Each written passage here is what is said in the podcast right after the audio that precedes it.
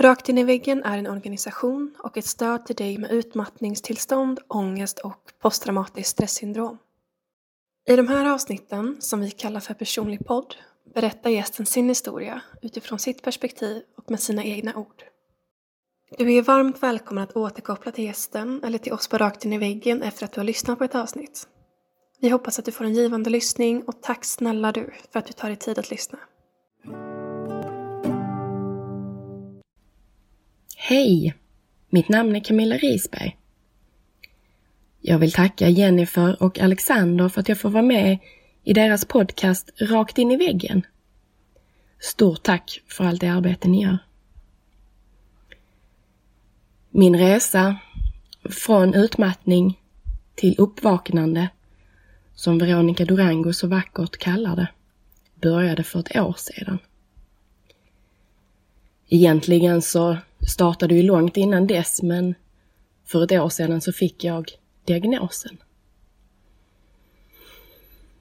Jag kallar detta avsnittet från prestationsprinsessa till återhämtningsprinsessa. För det är så min tid efter utmattningen har gått till. Hade jag gått tillbaka och tittat på mina gamla CV så hade det stått effektiv, driven, positiv, resultatinriktad och stresstålig. Jag kunde hålla väldigt många bollar i luften samtidigt. Jag hade kontroll på det mesta. Eller koll. Eller kontroll. Mm.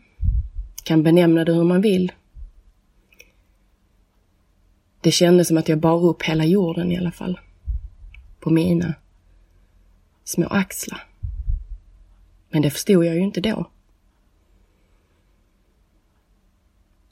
Vi ska börja lite bakåt i tiden för att förstå vad som egentligen hände. Och med det så får vi gå hela vägen bak till barndomen. När jag var sex år gammal så eh, tog min pappa ett jobb i Algeriet. Ett jobb som skulle innebära att han skulle vara borta ett helt år ifrån sin familj. Han skulle bygga skolor. Han skulle bygga sjukhus. Han gjorde en fantastisk insats för människorna där nere.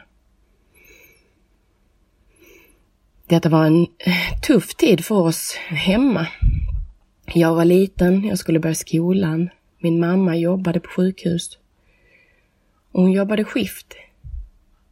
Det tog mycket ork och energi att hålla ihop familjen helt själv. Hon hade hjälp runt omkring sig. Men det var ändå en tuff tid. Det började med att vår hund gick bort. Kort därefter så blev mamma sjuk. I vad man trodde var lunginflammation. Hon fick åtskilliga diagnoser att det var lunginflammation. Men det visade sig att det var det inte. Det var lungcancer. Som var rätt långt gången.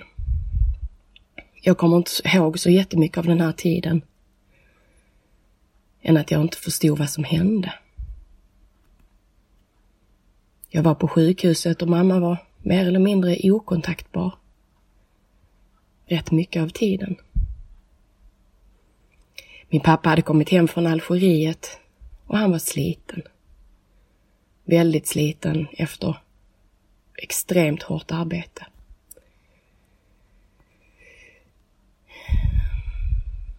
Det tog inte lång tid förrän mamma gick bort.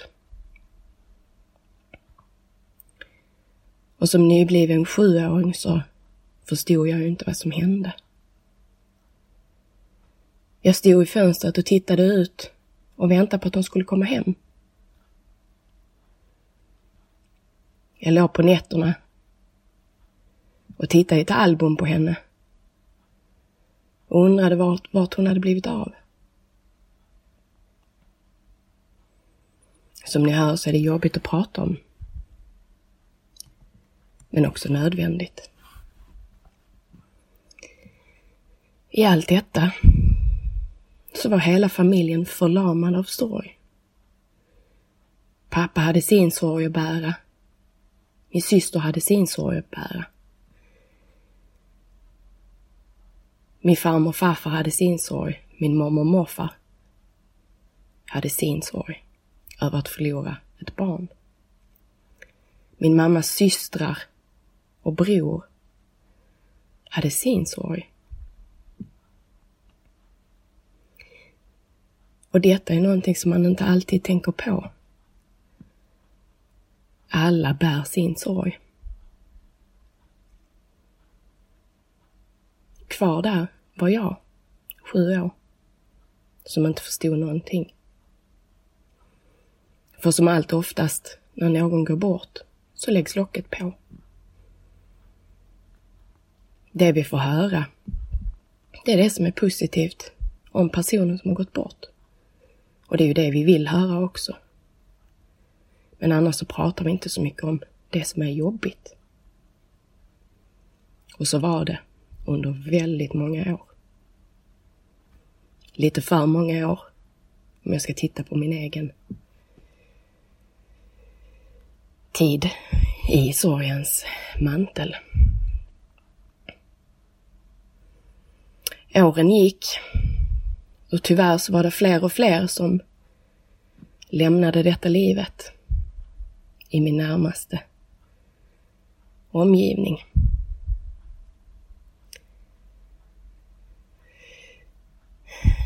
Personer som eh, jag tydde mig till och som betydde mycket för mig försvann en efter en.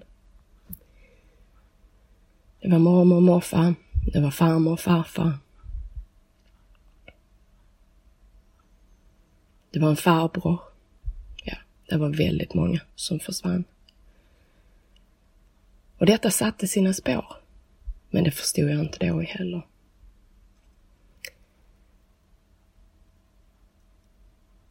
Jag fick snabbt en ny familj. Som kom in i vårt liv. Och i det så blev det ännu mer att locket lades på. Min zon, min frizon, var kyrkogården. Att hälsa på min mamma.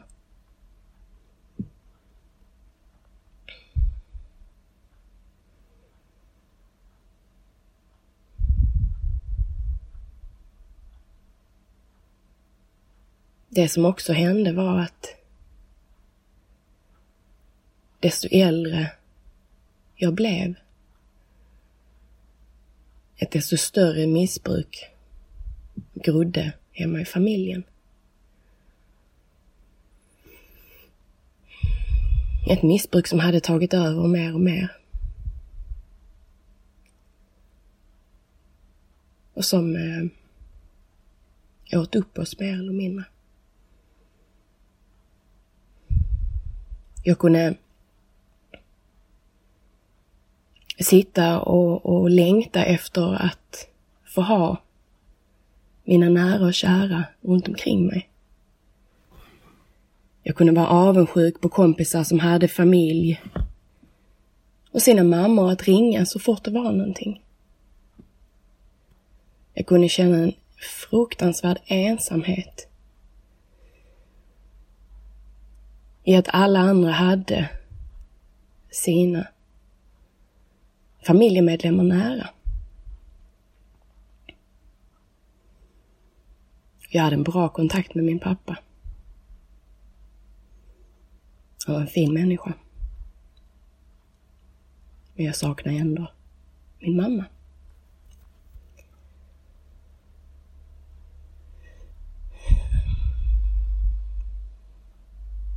Det gjorde också att jag, som jag kan förstå idag, att jag gick in i en, ehm, en rädsla. Ni vet, rädslor kan lätt äta upp en. I att jag blev rädd att förlora. Jag blev väldigt rädd att förlora människor runt omkring mig. Och det har kommit att påverka mig för resten av mitt liv. Som sagt, jag är 39 år idag. Så det var faktiskt på tiden att jag började lyfta på det här locket.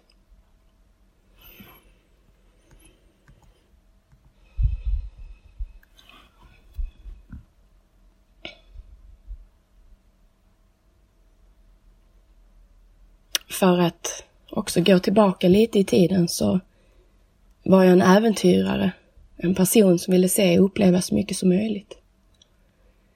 Innan jag var 30 år gammal så skulle jag ha rest jorden runt och sett mestadels av hela världen. Jag älskade att uppleva nya platser och nya människor. Det var det bästa jag visste.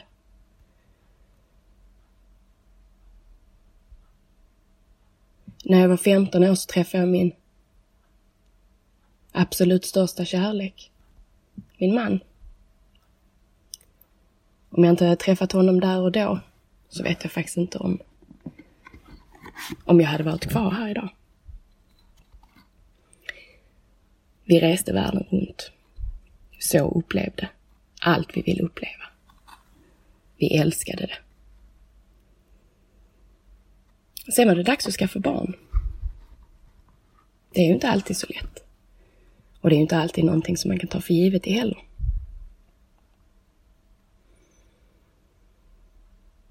Några år senare så visade det sig att jag, eh, jag har svårt att sitta och jag har lite ont. Och jag har endometrios. Blivit opererad för det några gånger. Så man trodde att det handlade om det. Jag åkte in på akuten. Jag vek mig dubbelt så ont jag hade. Kom snabbt in på en, på en magnetröntgen och det visade sig att jag eh, har en tumör i svanskotan. Som man aldrig har sett innan. Det är helt nytt. Det dröjer några månader med enorm smärta innan operationen ska ske. Och jag i min naiva värld tror att, nej men detta kommer att bli bra så fort den är borta. Tumören som sitter lite konstigt placerad växer liksom på svanskotan. Och ni vet själva när man har slagit svanskotan hur ont det kan göra. Jag vaknar upp efter operationen och har något så fruktansvärt ont i svanskotan. Så jag kan inte ens nysa. Jag kan inte ens sätta mig upp i sängen. Jag får ligga ner.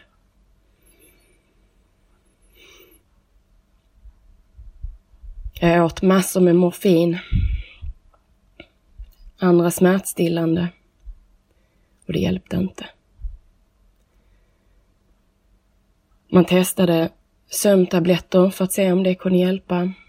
Jag fick till slut också prova epilepsi, tabletter för att stänga av smärtcentrat i hjärnan. Hela mitt liv rycktes undan. Allt som jag var van vid att kunna göra kunde jag inte längre göra. Vi tar så mycket för givet.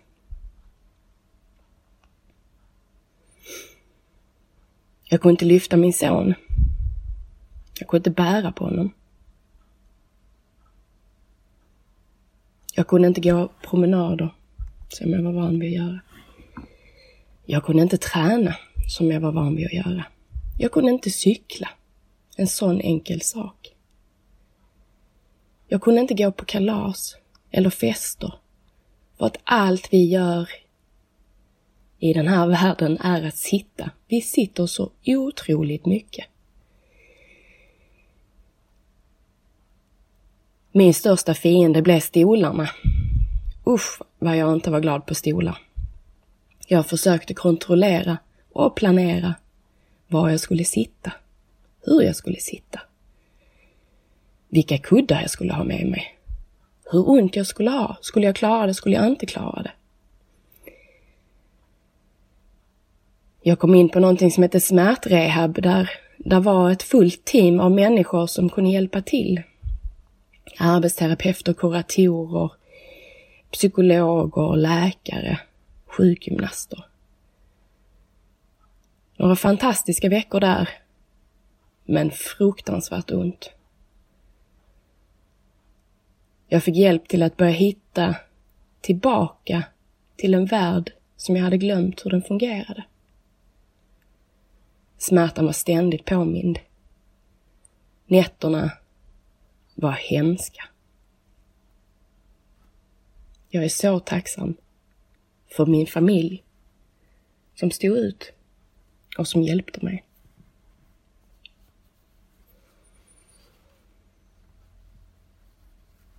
Och när jag tittar tillbaka på mitt liv idag så ser jag att jag har blivit knockad fler gånger än många andra. Men jag har lyckats ställa mig upp varenda gång. Jag är en riktig fighter. Jag ger inte upp. Och det gjorde jag inte efter detta heller. Jag skulle fram. Jag skulle tillbaka till den jag en gång varit. Och det blev både min styrka. Men det blev också för mycket. Åren gick och jag klarade av det mesta. Jag var tillbaka på jobb sedan en tid tillbaka och jag fixade att åka bil igen. Och jag kunde åka på lite längre sträckor. Jag vet första sträckan till Göteborg tillsammans med familjen var en ren tacksamhet. Att kunna sitta så länge. Som ni förstår så har dessa åren också gjort att jag kunde ju inte resa. Jag kunde absolut inte sitta på ett flygplan. Min pappa blev sjuk. Och fick problem med hjärtat. Och hade även lite andra krämpor som inte var bra för honom. Han gick kort därefter bort. Och att förlora honom, det var som att riva upp alla såren igen. Från när jag var liten.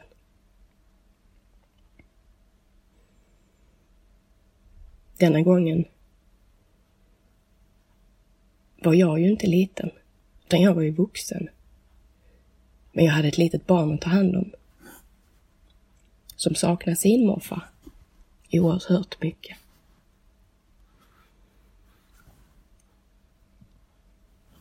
Jag föll rätt hårt där och då. Det var mycket som behövde bearbetas.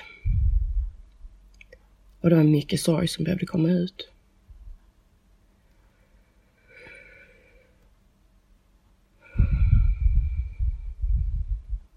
Jag tror att det var en av punkterna som gjorde att det blev extra tufft att ta sig an livet.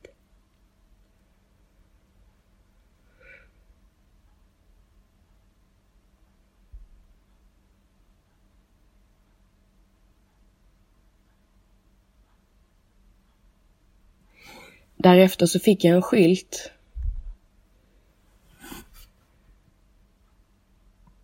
eller en eh, tavla av min syster som kom in i min familj efter att min mamma hade gått bort.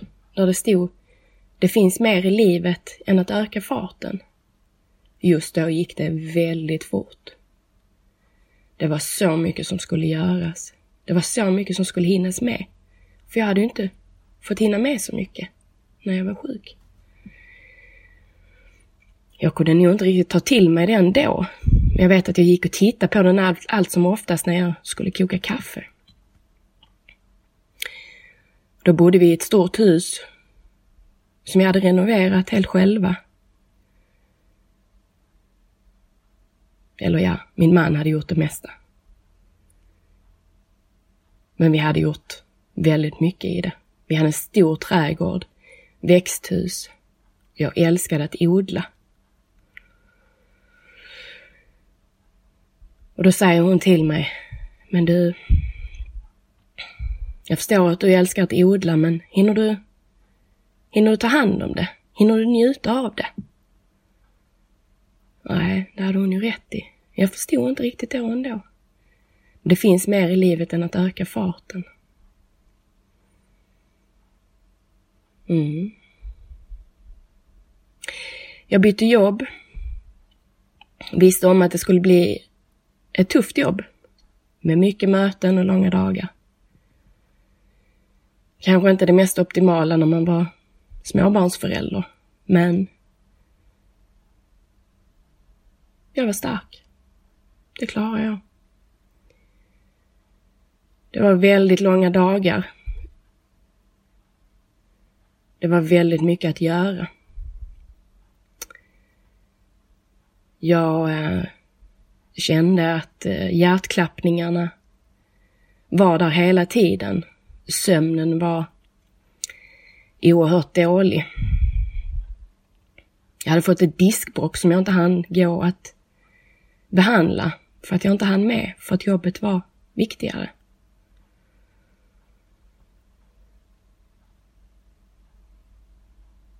Jag kom till våra möten ibland och var alldeles yr och kunde inte fokusera. Och jag var glömsk, oerhört glömsk. Ibland glömde jag var jag hade ställt bilen. Och min mathållning var värdelös. Det skulle vara snabbt och enkelt. Och gärna mycket socker för att hålla igång denna hjärnan på alla möten som vi skulle vara på.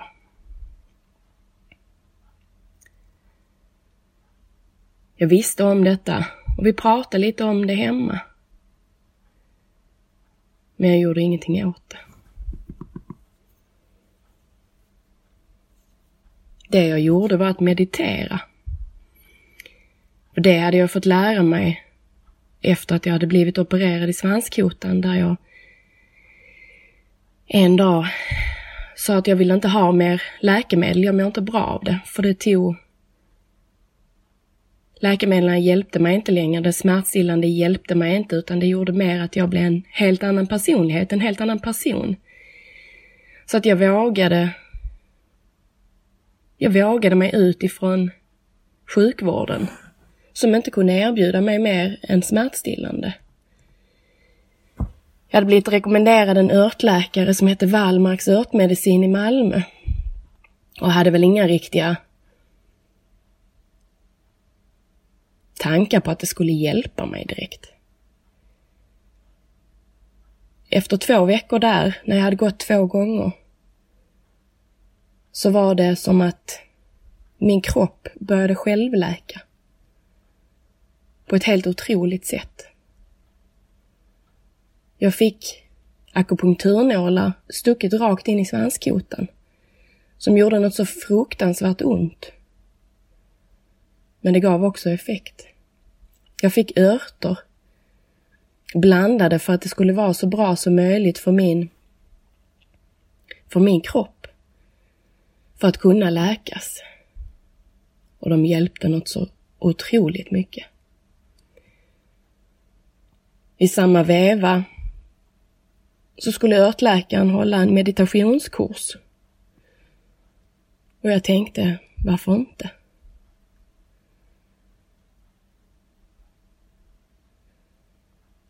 Jag gick på den här kursen och det har varit mitt absolut bästa verktyg igenom det här tuffa. Så när alla de här utmattningssymptomen började komma så höll jag stenhårt kvar vid min meditation. Kanske inte lika ofta, men den var där. Den var där som en grund för mig att landa på.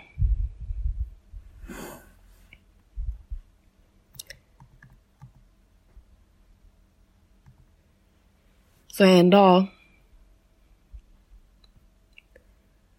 så skulle jag köra min son till ett kalas. Ett kvarter hemifrån, så det var inte alls långt. Jag kör dit och jag lämnar honom och inser att jag har glömt hans eh, inneskor som han skulle ha. Så jag ska köra hem och hämta de här inneskorna. Och jag sätter mig i bilen och det är alldeles svart. Jag vet inte var jag är någonstans. Jag vet inte var jag ska någonstans. Jag vet bara att jag sitter där i bilen och har ingen aning om någonting. En total blackout. Tårarna börjar rinna längs med mina kinder och jag känner att nu har det hänt. Jag visste om det. Jag visste om att det var på väg. Jag hade kämpat emot alldeles för länge. Men nu var jag där. Jag fick ringa min man. Och han fick guida mig hem. Och jag bara landade i hans famn.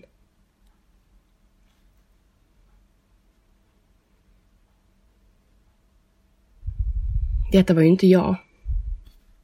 Jag är stark. Jag har koll på läget. Jag vet vad jag vill.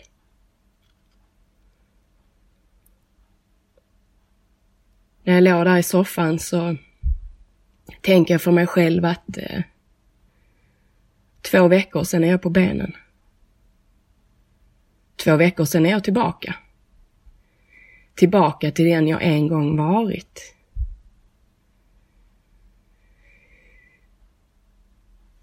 Men så fel jag kunde ha. Så vad händer när hårddisken är full? Hela datorn kraschar. Hela kroppen kraschar. Och än en gång, jag förstod ingenting.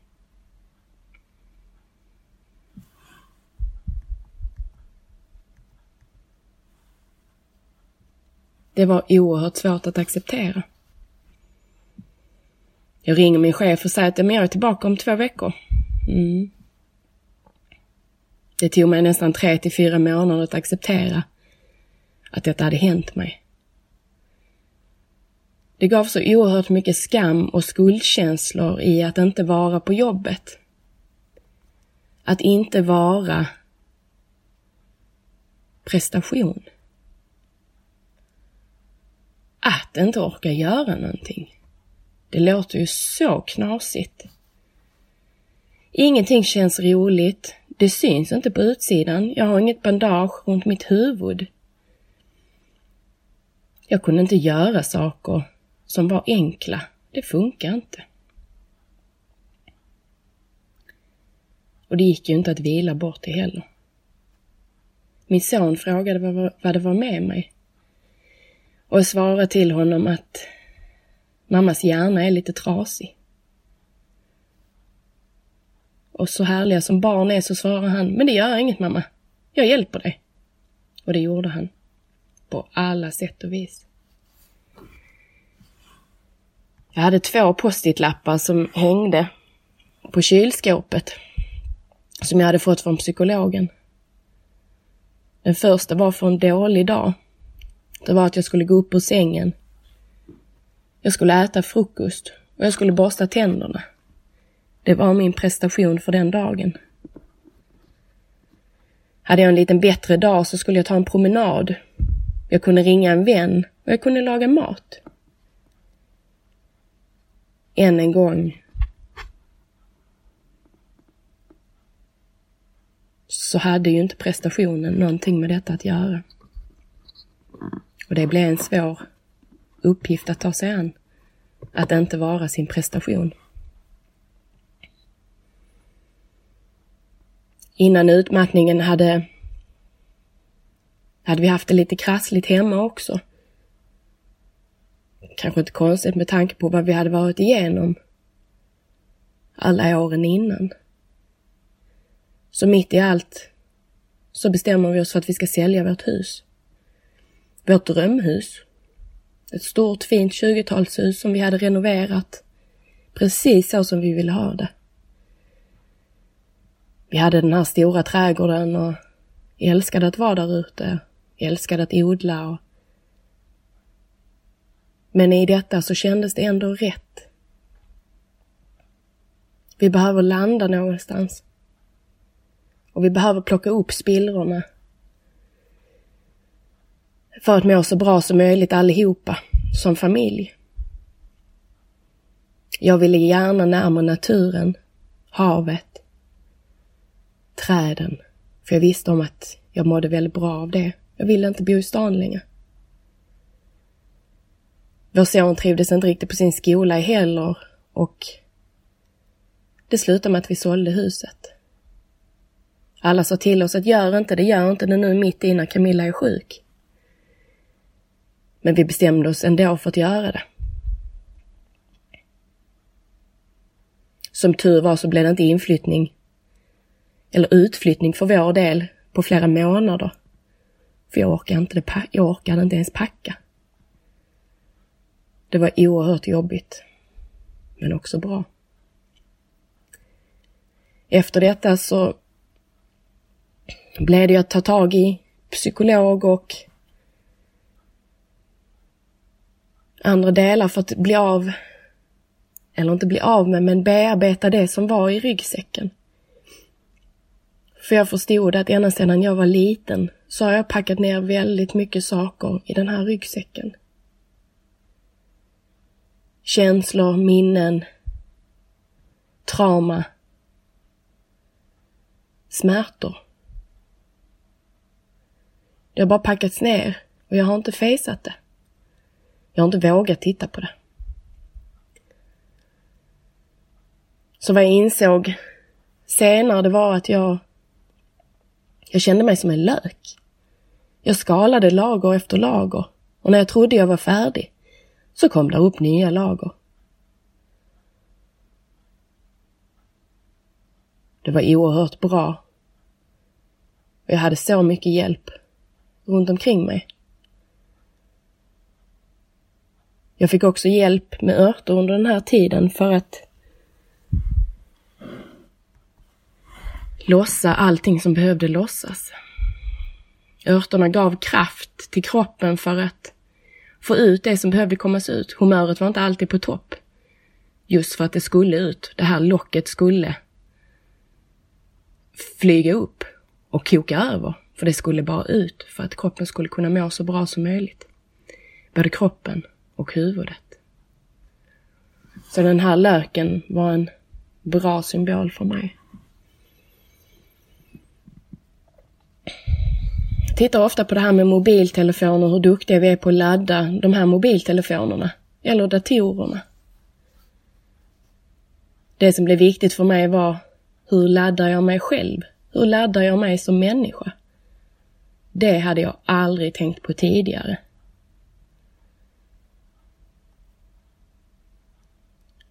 När jag drabbades av min utmattning så kunde jag inte läsa. Det bara flöt ihop. Jag kunde ännu mindre skriva för det blev som att jag hade dyslexi. Det bara flöt ihop alla orden. Jag kunde inte prata eller hålla tråden. För det också bara flöt ihop. Vad jag däremot kunde göra det var att lyssna på podcaster. Och jag kunde lyssna på ljudböcker. I mindre skala. Titta på TV gick inte heller för det oftast var det för mycket färger eller blixtrar eller annat. Att öppna datorn i början var som att det blev alldeles för mycket för hjärnan. Det var flera gånger jag svimmade när jag utsatte mig för saker som min hjärna absolut inte ville.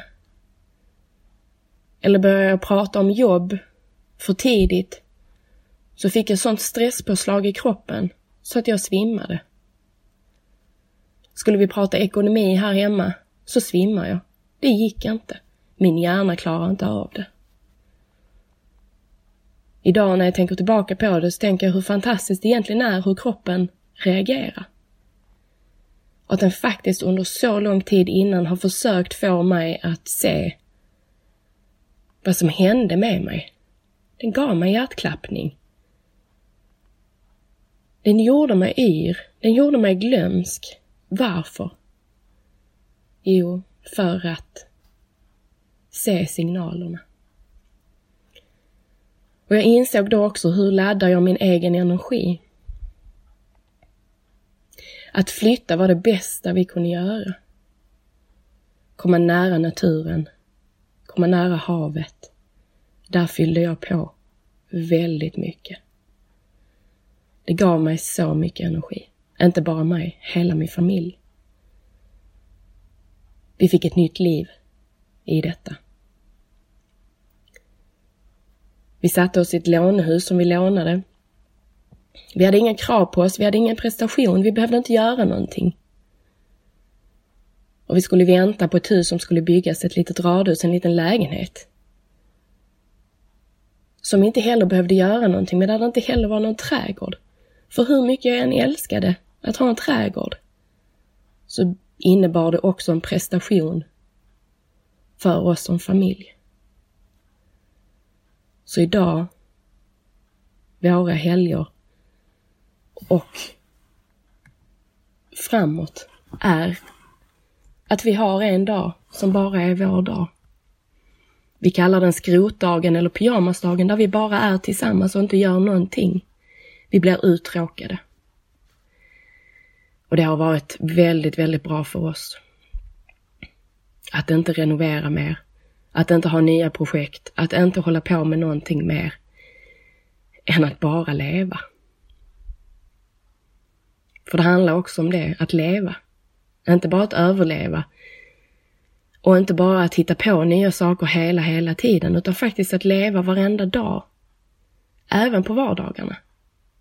Att se varandra även på vardagarna. Vi ville bara vara och vi ville njuta. Och där är vi nu. Varje dag är fortfarande en,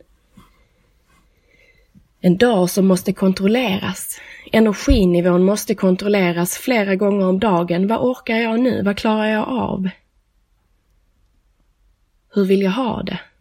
Är min energinivå på 100% Är den på 60% Eller är den på 10% Vad behöver jag? Om den är på 10% så klarar jag inte av att göra något denna dagen. Är den på 60 kanske jag behöver vila lite för att orka göra någonting. Att åka till köpcentra eller shoppingcentra eller något annat är fortfarande oerhört krävande. Stora sociala sammanhang är också väldigt krävande. När det blir för mycket intryck så blir det väldigt jobbigt.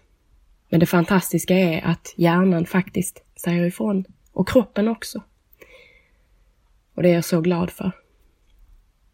En dag när jag kom ut från toaletten så skrattade jag så tårarna rann. Min man undrade vad, vad, jag, vad jag hade gjort. Då hade jag stått inne på toaletten och tittat mig i spegeln och tagit tandkräm på tandborsten. Och sen så har jag lyft upp armen och satt det som deodorant. Och jag tyckte detta var fruktansvärt roligt. Min man tittar på mig och blir nästan alldeles vit i ansiktet och säger att det var inte alls roligt. Nähä? Då insåg han hur illa det verkligen var med min hjärna. Att den, den satt inte ihop. Att det var tandborste och tandkräm som skulle in i munnen, utan den trodde att det skulle under armhålan. För som sagt, det syns inte utanpå. Det är bara inuti det både känns och är väldigt jobbigt. Jag fick också börja titta på mitt livshjul, hur jag ville att mitt liv skulle se ut. Hur mycket vill jag lägga på jobb? Hur mycket skulle jag lägga på sömn? Hur mycket skulle jag lägga på energitjuvar? Hur mycket skulle jag lägga på vila? Hur mycket skulle jag lägga på min familj? Och hur mycket skulle jag lägga på socialt umgänge?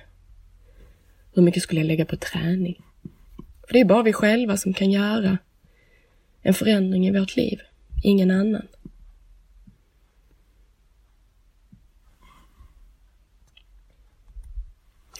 Någonting som också blev väldigt tydligt för mig, det var att det var ju ett samarbete mellan både min kropp, mitt sinne och min själ. Min själ behövde positiv energi och en tacksamhet. En tacksamhet som fick bli en daglig del i mitt liv. Jag fick också börja lyssna på mitt inre. Vad ville min själ säga mig? Mitt sinne blev också en viktig del, där meditationen var en stor del. Och det blev också den förankringen i min utmattning som gjorde att jag kom vidare. Som gjorde att jag kom framåt. Återhämtningen för att mitt sinne skulle vara lugnt. Mina tankar. Att jag själv kunde välja mina tankar. Det tror vi oftast inte, men så stor skillnad det kan göra. Och sen att jag fick ta en sak i sänder. Jag kunde inte ha alla de här bollarna uppe samtidigt som jag var van vid att ha. Utan jag var tvungen att göra en sak och sen vila. Och sen kunde jag göra en sak och sen vila. Och så såg mina dagar ut. Min kropp behövde naturen, luften, djuren, fåglarna. Jag kunde njuta av att sitta och titta på fåglarna. Där landade jag. I alla mina tre delar, både min kropp, min sinne och min själ. Fysisk träning kunde vara promenader.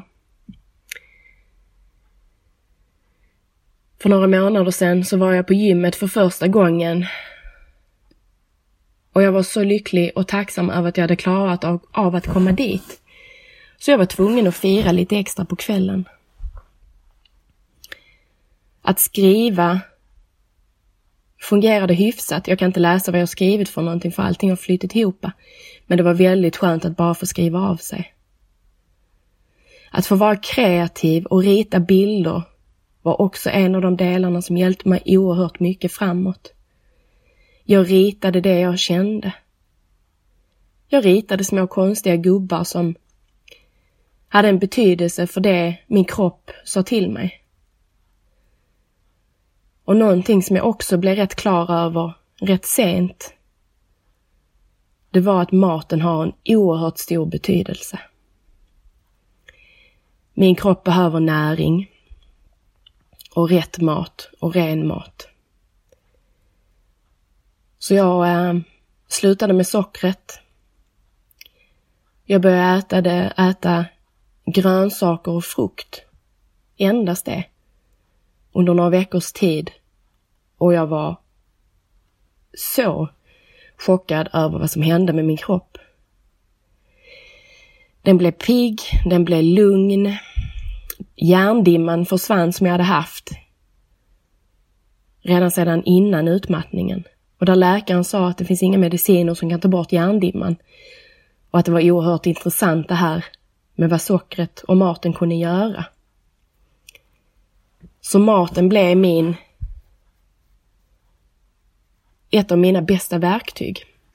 Det var kanske inte så konstigt, jag är kock i botten och jag läste på högskolan när det kommer till, till livsmedel och näringslära. Så maten för mig var, låg mig väldigt nära till hands. Örterna blev också en del för mig att ta hand om min kropp på allra bästa sätt. Även eteriska oljor var något som hjälpte mig väldigt mycket. Det kunde vara oljor som gjorde att jag blev lite piggare. Oljor som gjorde att jag höll mig frisk. Inte drabbades av eh, förkylningar titt som tätt som det var tidigare. Så jag har haft vissa delar som verkligen har hjälpt mig. Och sen framförallt att dra ner på prestationen.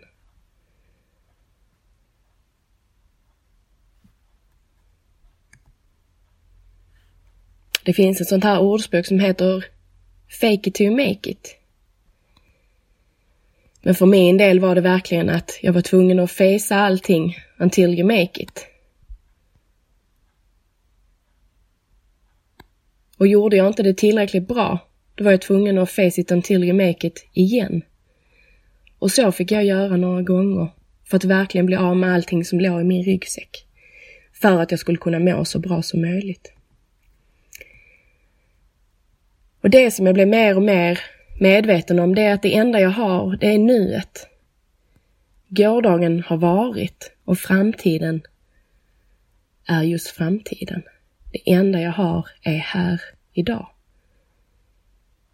Och för mig som har varit med om så många dödsfall av nära personer runt omkring mig så blir också nuet ännu viktigare för mig idag. Att göra det bästa av min dag.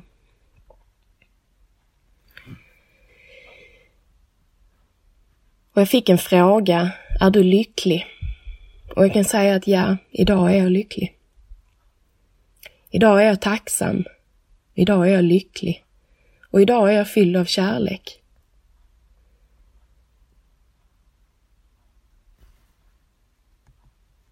Och jag är inte det som har hänt mig, utan jag är en helt ny person. Det är aldrig för sent att starta om. Och jag hade önskat någonstans att vi hade gått på arbetsplatser mer från risk till frisk. Att vi mer fokuserar på det som är friskt än allt det som är risker. För vi är många som är drabbade och jag tycker det är så viktigt att vi bryter tabut och tystnaden kring psykisk ohälsa. Vi alla är viktiga. Och det gäller även små barn som vuxna och äldre. Så jag är så tacksam för att få ha med, varit med här idag och att få ha delat min historia. Micke Gunnarsson hade ritat en bild att gå in i väggen. Jag fick hem den i ett kuvert och min son öppnar det. Och han läser på kortet så står det att gå in i väggen. Så säger han, men mamma du har ju inte gått in i väggen. Du har ju gått, eller du har ju mediterat dig igenom den. Och jag började skratta och exakt så var det för mig. Meditationen var en viktig del för mig. Jag hoppas att jag har kunnat ge en inblick. Men jag hoppas också att kunna förhindra eller kanske hoppas att fler drar i handbromsen innan det verkligen är för sent. Så stort tack för att jag fick vara med här. Jag önskar er all lycka till. Tack för mig. Vill du också medverka i Rakt in i väggens podcast? Besök vår hemsida för mer information på www.raktinivaggen.com medverkan. Om du vill tipsa oss om en poddgäst eller om du har en fråga eller synpunkt på det vi gör kan du alltid mejla oss på podcast raktinivaggen.com för att få svar. Tack för att du lyssnar!